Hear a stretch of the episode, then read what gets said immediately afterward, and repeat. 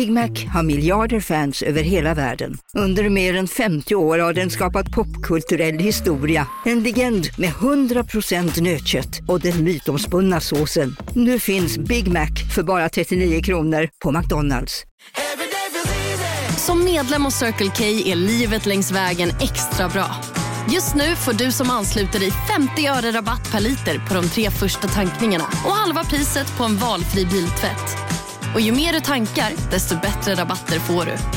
Välkommen till Circle K. Ni är med om det största. Och det största är den minsta. Ni minns de första ögonblicken. Och den där blicken gör er starkare. Så starka att ni är ömtåliga. Men hittar trygghet i Sveriges populäraste barnförsäkring. Trygg Hansa. Trygghet för livet.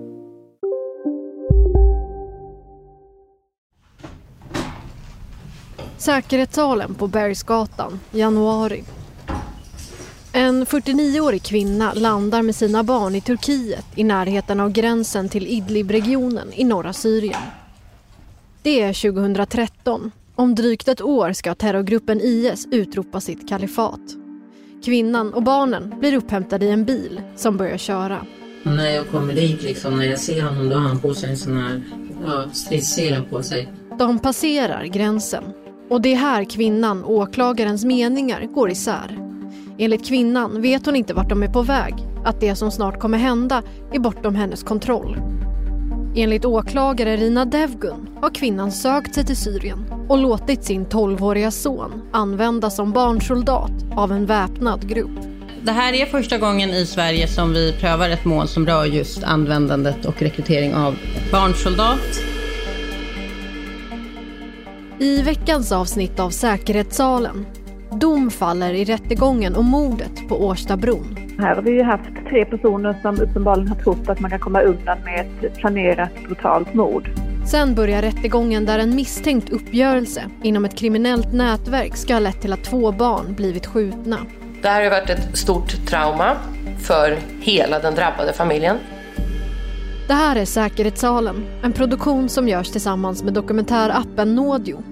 Ladda ner den i App Store eller Google Play. Jag heter Lova Nyqvist Sköld. Den här veckan, den svenska barnsoldaten.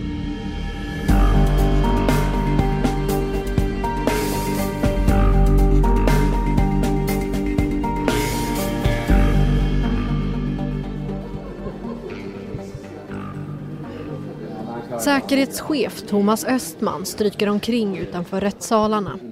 Vid starten av stora, mer uppmärksammade rättegångar väljer han att komma hit. Han står lite i bakgrunden. Framför honom klungas en grupp journalister som väntar på att bli insläppta. Hej! Hallå! Thomas Östman har kavaj på sig, går runt och övervakar. Ser till så att allting rullar på som det ska. Dels vill jag ha en, få en egen uppfattning om hur mycket besökare har kommit. Går det lugnt till och fungerar det som vi har planerat? Det är ju det viktigaste. Vad har du bildat för uppfattning än så länge idag då? Ja, nu är det ju, det är ju 17 från media som har anmält sig. Det verkar väl droppa in eftersom här, ser det ut som. Men det är ju ingen direkt anstormning. Inte. Trodde du att det skulle bli fler? Nej, alltså nu har vi ju begränsat platserna i salen på grund av de restriktioner som gäller nu. Så att det får ju bara plats 30 stycken åhörare. Det är i sal 2 som det här målet går. Och eh, Eh, får se om allmänheten kommer hit. Det här kanske inte är så intressant för allmänheten. Det är mera andra, andra mål som de kanske är mer intresserade av. SVT, TV4, Aftonbladet och DN är några av de som har reportrar på plats. Tre rättegångstecknare sätter sig längst fram på läktaren. Varannan stol bland åhörarna är avspärrad med tejp för att vi ska kunna hålla avstånd. Anledningen till att så här pass många medier har kommit till den underjordiska salen just idag är för att en historisk rättsprocess nu ska börja. Rättegången mot en 49-årig kvinna som står åtalad för grov krigsförbrytelse. Hon är misstänkt för att ha fört sin då 12-åriga son till Syrien och låtit honom rekryteras som barnsoldat av en terrorgrupp.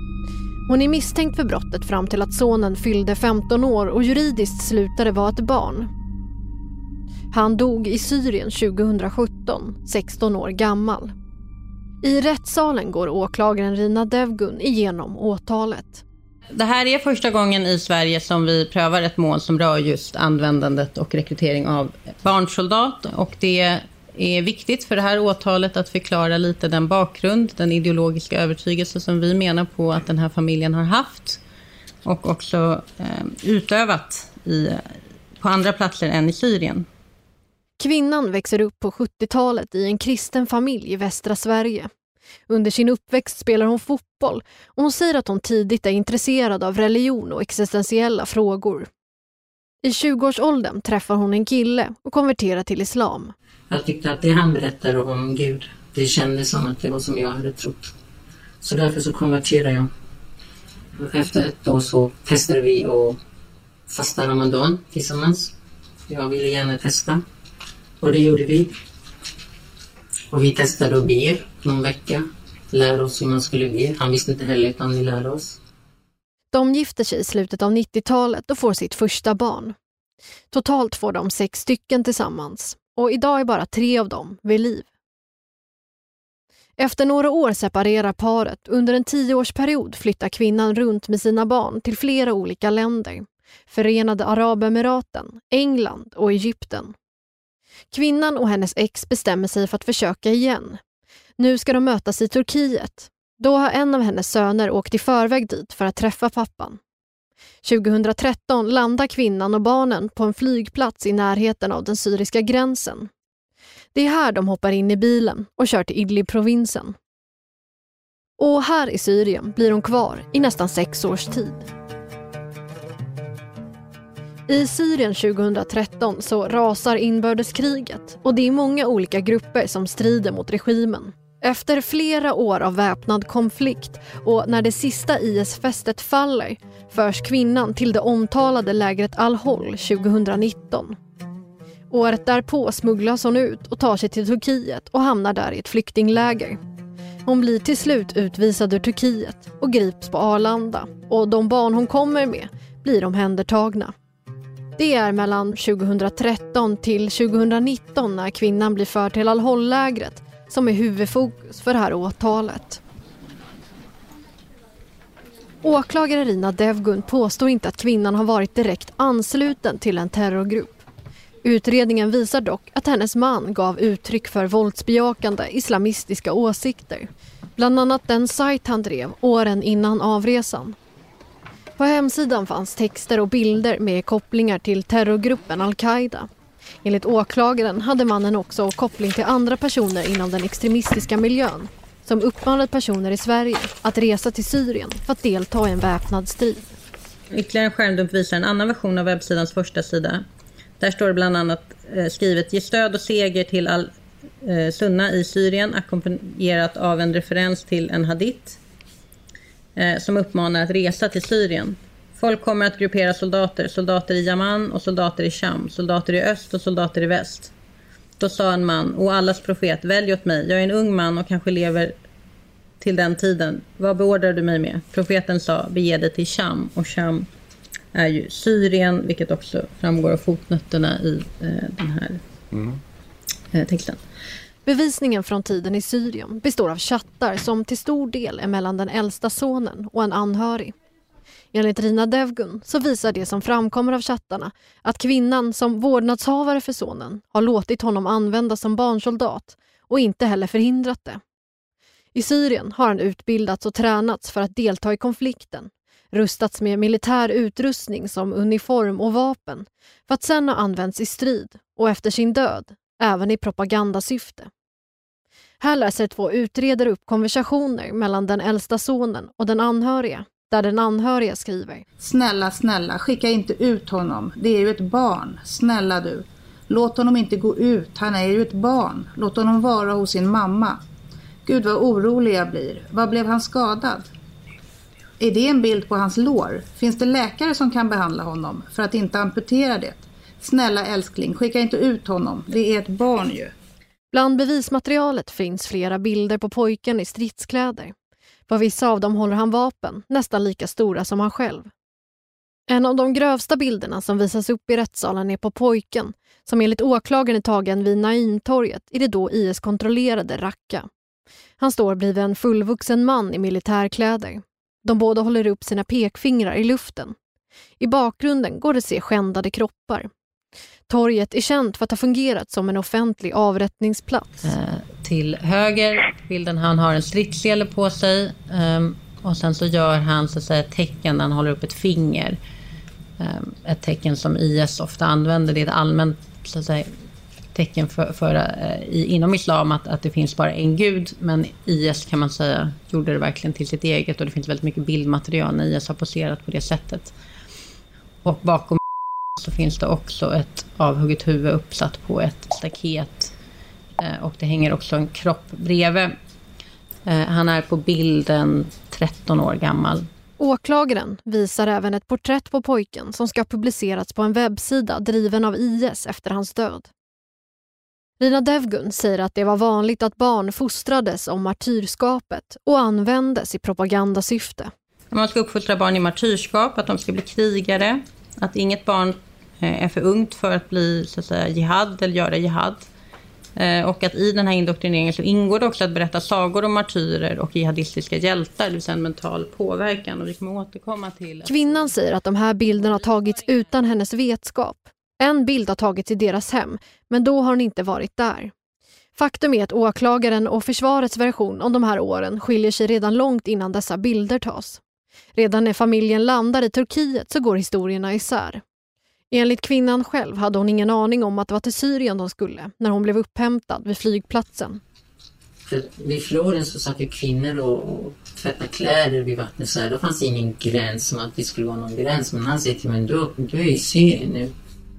Kvinnan säger att hon många gånger försöker lämna landet med barnen men att mannen vill vara kvar och inte hjälper henne därifrån. Han dör i strid samma år som de kommer dit. Efter hans död säger kvinnan att hennes äldsta son då tog över rollen som ledare över familjen. Tre år senare dör även han och det är då, enligt kvinnan, som hennes näst äldsta son, alltså den som rättegången handlar om, vill ta över rollen som familjens överhuvud. Det är han som bestämmer vart de ska bo, säger kvinnan. Så till skillnad från åklagaren så menar försvaret att chattarna från Syrien visar att det är manliga familjemedlemmar, inte kvinnan, som bestämt över sonen som blev barnsoldat. Den här situationen gjorde det nästan omöjligt för kvinnan att säga ifrån, säger hennes försvarare Mikael Westerlund. Som ogift kvinna då så, så hamnar i en, en mycket utsatt situation. Eh, som jag varit inne på så har kommit att bli hennes faktiska förmyndare kan man säga. Utredningen har också kunnat visa att det var förbjudet för kvinnor att återvända till Europa och att försöka att återvända till Europa bestraffades. En av de två åklagarna läser upp konversationer mellan kvinnan och en nära anhörig till henne. Så konstigt när jag ser på bilderna. Det är som om vi lever på två olika planeter. Du är upptagen med halloween och jag är upptagen hitta mat för dagen. Men tro inte jag är ledsen eller något. Bara tankar om hur vår värld ser ut. Underligt, eller hur? Det är en unik scen i rätten som utspelar sig. Aldrig tidigare i Sverige har någon stått åtalad för att ha fört sitt barn till en väpnad konflikt och brustit i sitt föräldraskap. Där barnet har utbildats och tränats till soldat. Mm. Det är inte bara journalister som är här och följer rättegången. En från allmänheten är den numera pensionerade rektorn från gymnasieskolan jag gick på, Lars Benon. Jag har träffat honom i säkerhetssalar tidigare. Första gången var rättegången mot Vårbynätverket. Då berättade han att han är nyfiken och vill få en bild av hur allt fungerar i praktiken bortom de rubriker som går att läsa i medierna. Väldigt mycket media. För så här har det inte varit, på, inte ens liksom på de här stora rättegångarna mot Vårbynätverket. Så det här är rekordmycket media. Vi får se vad det innebär. Eller om, är det bara att de är här nu idag och sen så inte här imorgon. Vi får se. Men du brukar ju vara här ofta. Ja, det brukar jag. Det brukar jag. Men nu, jag vet inte vad jag ska följa under våren men jag tänkte att jag skulle vara här idag och, och se om den här rättegången som, som började igår apropå IS-kvinna, det är ändå ja, något, något liksom nytt intressant. Den typ av liksom dom, eller rättegång som inte har varit i Sverige tidigare. Så vi får se om jag tänker följa det eller inte. Senast jag träffade honom var på rättegången om mordet på Årstabron som pågick under december. Ja, just det. Precis. Jo, har, nu har jag tagit lite paus. Nu går jag och väntar på, det ska bli dom i Årstabron här nu. Mordet på Årstabron. En rättegång kantad av flera incidenter som du tidigare hört här i säkerhetssalen. I avsnittet Ny gärningsman pekas ut börjar vi följa rättegången där tre personer stod tilltalade för dödsskjutningen på en 27-åring i september 2020. Rättegången har pausats på grund av stök i anslutning till rättssalen, nya bevisuppgifter som grätts fram i förundersökningen och tekniska fel i bevisningen från FBI. Åklagaren har yrkat på livstidsfängelse för två av de tilltalade. Nu ska vi få reda på rättens slutsats.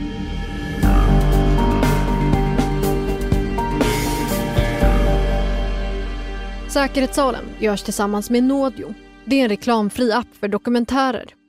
Nu kan du lyssna till ett omöjligt fall som handlar om det uppmärksammade balkongmålet. Det handlar om en kvinna som faller från sjätte våningen. Hennes man ringer i panik till larmcentralen och säger att hon har hoppat. Det som först antas vara ett självmordsförsök blir en fällande dom för mordförsök i tingsrätten. Men turerna tar inte slut där för kvinnans familj. Hon sa din syster har fallit från sjätte våningen. Jag bara, men vad snackar du om liksom? Jag tror att jag skrek så att jag väckte upp alla grannar 200 meter bort. Jag kan ju inte ta in en sån grej i huvudet. Det liksom känns ju helt overkligt. Lyssna exklusivt i appen Nådio. Du hittar den i App Store eller Google Play. Använd koden SALEN för en gratis månad.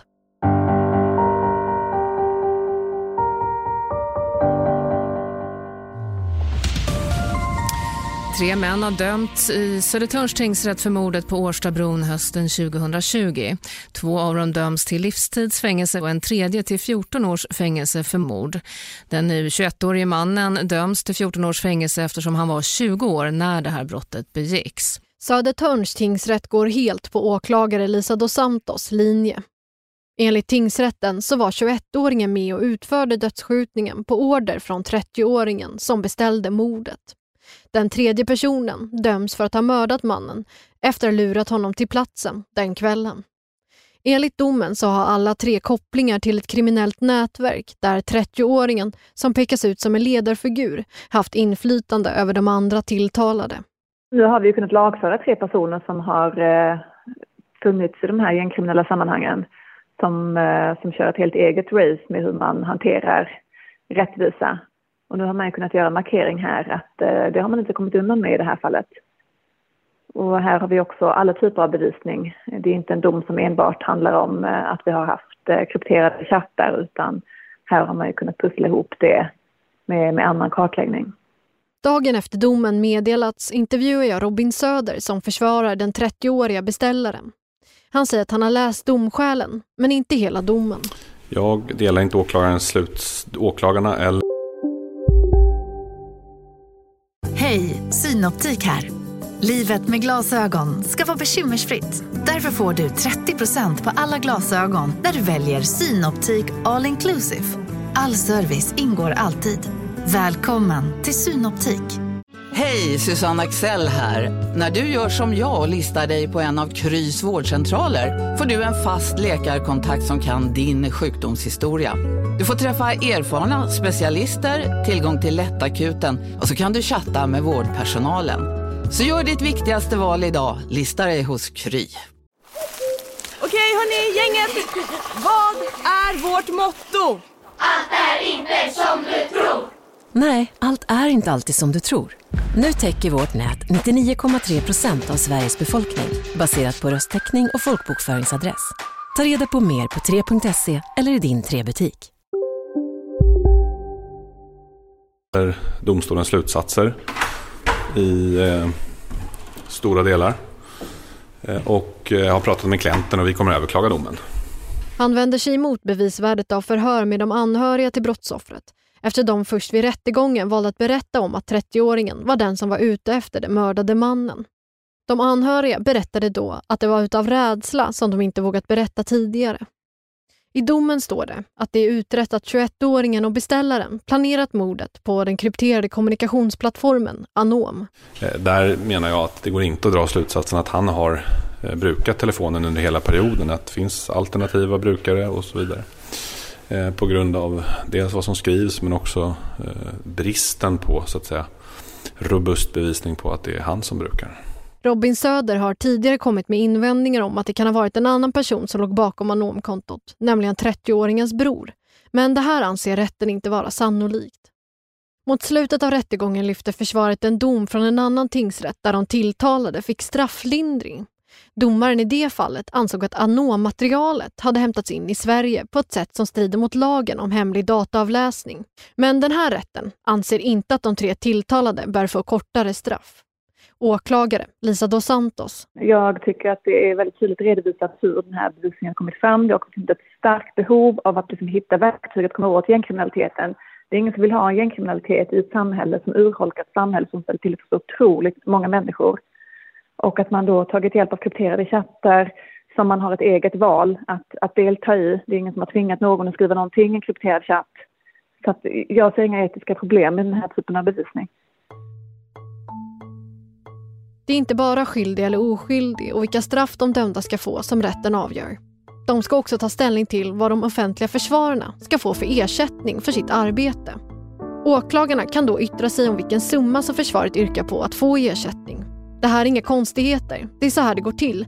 Men i det här målet har det kommit upp ganska utförliga och specifika invändningar från åklagarsidan. Jag tycker inte att det är nödvändigt att sitta och åka taxi till domstolen som ligger på pendeltågslinje av en anledning att alla ska på ett enkelt sätt kunna ta sig till en förhandling.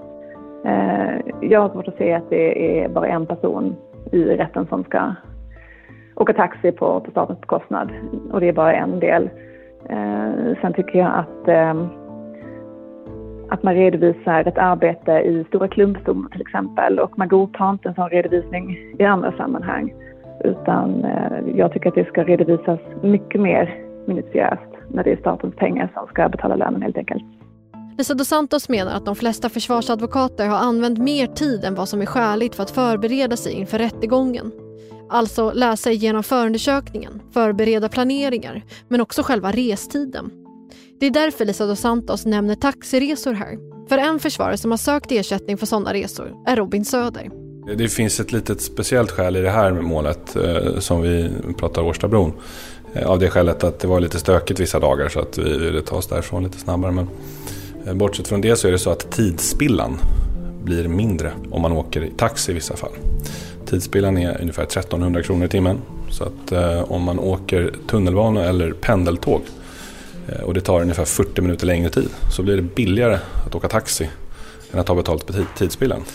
Och då kan man eh, göra på en eller andra sättet. Jag påstår att man ska göra på det sättet Nämligen att man ska ta taxi och ta mindre tidsspillan. Eh, men eh, det är ju inget man tjänar på som advokat. För du får ju inte betalt för taxiresan.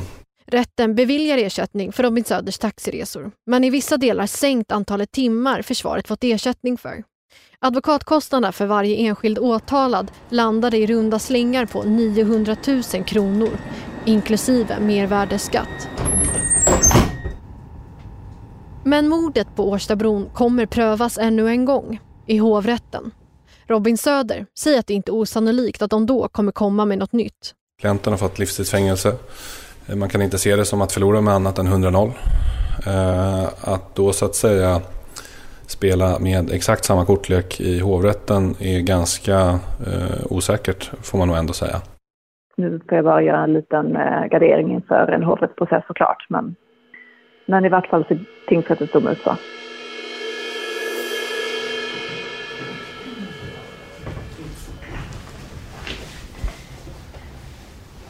En annan rättegång har börjat i säkerhetssalarna på Bergsgatan. Åhörarna, det är mobilförbud här. Eh, det finns några journalister som har fått tillstånd att ta upp ljud och de har tillåtelse att ha framme maskiner. Men den här gången börjar vi inte i bänkraderna nere under jord utan i ett bostadsområde i Visätra söder om Stockholm. Och det som hände där en julikväll 2021. När jag är på platsen är det en blåsig januaridag med minusgrader. Så nu står jag här vid gångbron i Visätra. Eh, nedanför den här gångbron då så är det en liten mindre rondell och eh, det finns en frisörsalong, en livs och en pizzeria. Och gångbron ligger liksom lite som på en höjd som binder samman två eh, som binder samman ett bostadsområde. Och det är här en pappa kommer med sina två barn, fem och sex år gamla, eh, på väg ut. Eh, och där borta vid slutet av gångbron så ser de ett, ett gäng ungdomar som verkar bråka. Eh, tror att det är skoj. Och så hörs då ett skott. Det var två små barn som skottskadades vid en skjutning i Visätra i Flemingsberg under lördagskvällen. Barnen var ute och lekte och enligt polisen tyder ingenting på att det var de som var måltavlor. Den femåriga pojken börjar gråta, men hans sexåriga syster ger inte ett ljud ifrån sig. Pappan tar ett barn under varje arm, vänder om och springer tillbaka mot lägenheten. Han berättar i förhör att han än idag har ont i axeln efter att ha burit barnen den där dagen. Skottet har träffat och gått rakt igenom flickans ben och snuddat vid pojkens. I bevismaterialet går det att se ett par trasiga blodiga byxor. De är marinblå med små vita rosor på. En granne som också passerat sliter av sin tröja och lindar runt flickans ben för att stoppa blödningen. Efter en stund kommer ambulans som för barnen till sjukhus. Så att det är på ena sidan av bron som pappan och barnen kommer från bostadsområdet med de röda husen. Vid andra änden av bron här så misstänks det vara en intern uppgörelse, ett kriminellt nätverk.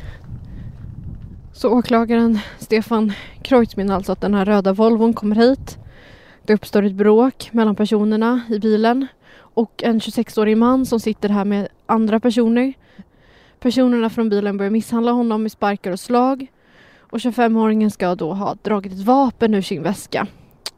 Eh, och en från bilen då som är tilltalad drar en pistol och använder det som ett tillhygge i den här misshandeln och slår till 26-åringen. Och det är då det här skottet då ska ha avlossats från här, den ena sidan av bron som jag står på nu och ha träffat barnen då som är på väg över bron längre fram enligt åklagaren. Sen så finns det vittnesuppgifter från vad jag förmodar är en av husen här för att det är en video som är med i förundersökningen som filmar hur en bil den rö en röd Volvo då, åker från, från platsen.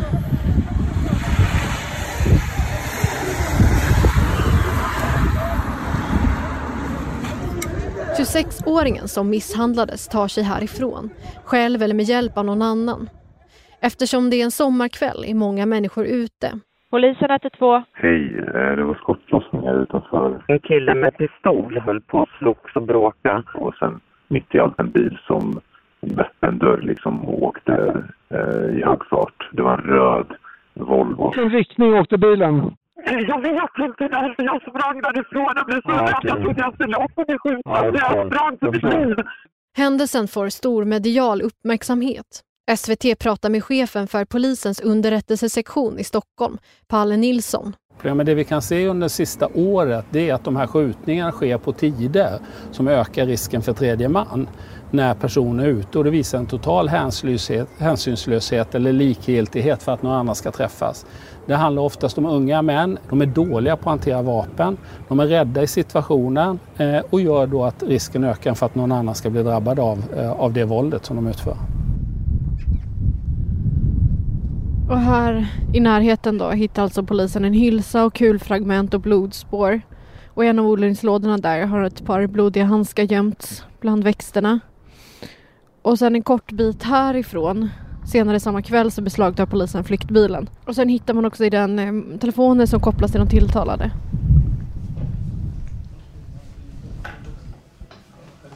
Utredningen består av teknisk bevisning, kameraövervakning och till stor del vittnesuppgifter från personer i området som sett olika delar av den här händelsen. Vissa signalement återkommer men ingen har säkert kunnat peka ut någon av gärningsmännen. Ingen av de två vapen som ska ha förekommit vid det här bråket har heller tagits i beslag. Nu ett halvår senare sitter fyra åtalade i rättssalen.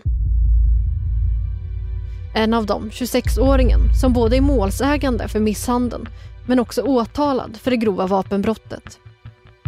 Männen från bilen är en 29-åring, en 30-åring som också är artist med flera miljoner streams och så en 25-åring. Alla tre är åtalade för grov misshandel. 25-åringen ställs också till svars för grovt vapenbrott och grovt vållande till kroppsskada.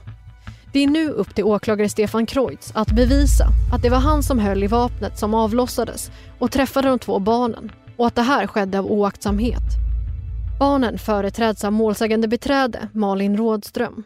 Det är ju skillnad på olyckshändelser och olyckshändelser. Eh, det här är ju ingenting som någon familj eller några barn ska behöva räkna med och har varit eh, eh, ett trauma för såväl föräldrarna som såklart de här barnen som har träffats. Pappan har berättat att efter händelsen så drömmer barnen mardrömmar. De är rädda för höga ljud som när en ballong smäller och vågade till en början knappt gå ut. Eh, de har flyttat eh, till en annan adress eh, och det här är ju på grund av den rädsla som barnen har haft. Det här är ju något som har skett precis i deras närområde. Och vad hoppas du och, och, och familjen och barnen på av den här processen? Jag hoppas att de ska få någon form av upprättelse. Att den personen som har gjort det här döms för brott och också att de får ett eh, ordentligt skadestånd för det lidande som de har fått utstå. Nu i början av januari är jag på plats för att följa rättegången. 26-åringen, som alltså både är åtalad och brottsoffer i det här fallet, öppnar med att lämna en kort egen berättelse. Han säger att han varit på platsen. Han har haft en soft airgun med sig för att det skulle ge en avkylande effekt, men inget skarpladdat vapen. Han förnekar brott. När åklagare Stefan Kreutz ställer frågor i rättssalen låter det så här. Vi, det finns ju fyra till tilltalade här. Känner du dem? Känner du honom? Har du haft någon konflikt med någon av dem? Han svarar bara på en av frågorna. Kan du beskriva den här soft airgunnen du hade? Vill du beskriva den? Silverfärgad. Silverfärgad. Mm. Du är målsägande också i det här målet. Jag måste ställa någon fråga så du får möjlighet i alla fall att, att svara på frågan också. Har du blivit misshandlad på Sågstuvägen vid det här tillfället? Jag har inga fler frågor. Efter förhöret intervjuar jag 26-åringens advokat Peter Attaseven och frågar varför hans klient inte vill svara på frågor. Varken under förundersökning eller nu i rätten om det misstänkta vapenbrottet och misshandeln. Generellt sett så kan man säga att det är förenat med risker att lämna kommentarer om andra och vad andra ska, ska ha gjort. Så han har velat prata om sig själv och inte velat prata om andra och eh, anledningen till det är att eh, det är förenat med risker och gola så som han uttryckte det. Eh, men jag tänker att ställa, svara på frågor, för, ge en förklaring varför han inte vill svara på frågor här i rätten som, som handlar om honom. Eh, han har ju sagt att han, han har lämnat en förklaring, eh, lämnat en fri berättelse och sen har han sagt att efter det vill jag inte svara, svara på några frågor från vare sig liksom åklagaren eller försvararsidan. Inklusive eh, min egen advokat. Så att eh, hans position är klar och det är upp till honom. Det, det har han all rätt att göra så på det sättet. Och så har han valt att göra. Jag företräder honom, jag är partisk. Och vill han inte svara på några frågor som målsägande så har jag inga problem med det. Och vill han lämna en fri berättelse och därefter eh, ha inga kommentarer så har jag inga problem med det heller. Eh, så som målet står och går så tycker jag att redan innan vi kom till domstolen så brister det här målet. Vi, det finns ingen utredning om huruvida vapnet var äkta eller inte. Vapnet har inte tagits i beslag, NFC har inte utrett eh, om det var ett äkta handelsvapen eller inte. Så att eh, jag ser fram emot en frikännedom. Även de tre andra tilltalade nekar till brott. 25-åringen som står åtalad för grovt vållande till kroppsskada säger att han inte ens befunnit sig på platsen utan varit i en helt annan del av stan vid tiden för brottet. Han säger att Flemingsberg inte är Manhattan och menar att alla känner alla så det är inget konstigt att polisen hittar hans telefon i flyktbilen. Det är möjligt att han lagt av sig den där när han spelade basket tidigare på dagen. Han säger också att det inte finns några konflikter, gäng eller nätverk i Flemingsberg och han är chockad över händelsen. Hans försvarare säger redan första rättegångsdagen att om rätten kommer fram till att han är skyldig trots att han inte varit på platsen så hänvisar han till nödvärn. Även 29-åringen säger att han har varit ute och spelat basket den här dagen. Han är ute på ett ärende och när han blir avsläppt från en bil ser han att det är en konflikt mellan flera personer. Det är en person som blir misshandlad och han försöker stoppa blödningen. Därefter går han därifrån. Artisten berättar att han kommer till platsen och ser en vän som är i fara. Han tänker att det kommer bli en skjutning och att han hade ett val. gå emellan eller gå därifrån. Han bestämmer sig för att hjälpa sin vän för att avvärja situationen. Vem vännen är vill han inte berätta. Artisten säger att han håller i mannens arm för att han inte ska kunna dra vapen och han får in några slag på honom innan han tar sig därifrån i en bil. Åklagare Stefan Kreutz frågar de tilltalade varför de inte vill uttala sig om vissa detaljer, till exempel vilka de varit med och vilka som har varit på platsen. Artisten säger att det kan bli problem om man pratar. Det handlar inte om tystnadskultur utan snarare att det inte finns något förtroende för polisen. Artisten hänvisar också till Hallonbergen, ett uppmärksammat dubbelmord där en person som skulle vittna i en rättegång 2017 blev mördad. Enligt åklagaren handlar det här bråket om en intern uppgörelse. En konflikt mellan 26-åringen som ska ha blivit grovt misshandlad och en annan misstänkt som polisen inte lyckats gripa. Stefan Kreutz läser en konversation mellan de två från flera månader innan själva händelsen. Vi ska ha roligt broder. Jag ska bada i ditt blod din horunge. Men vad som händer den här dagen, varför och hur kommer vi höra mer om i ett kommande avsnitt.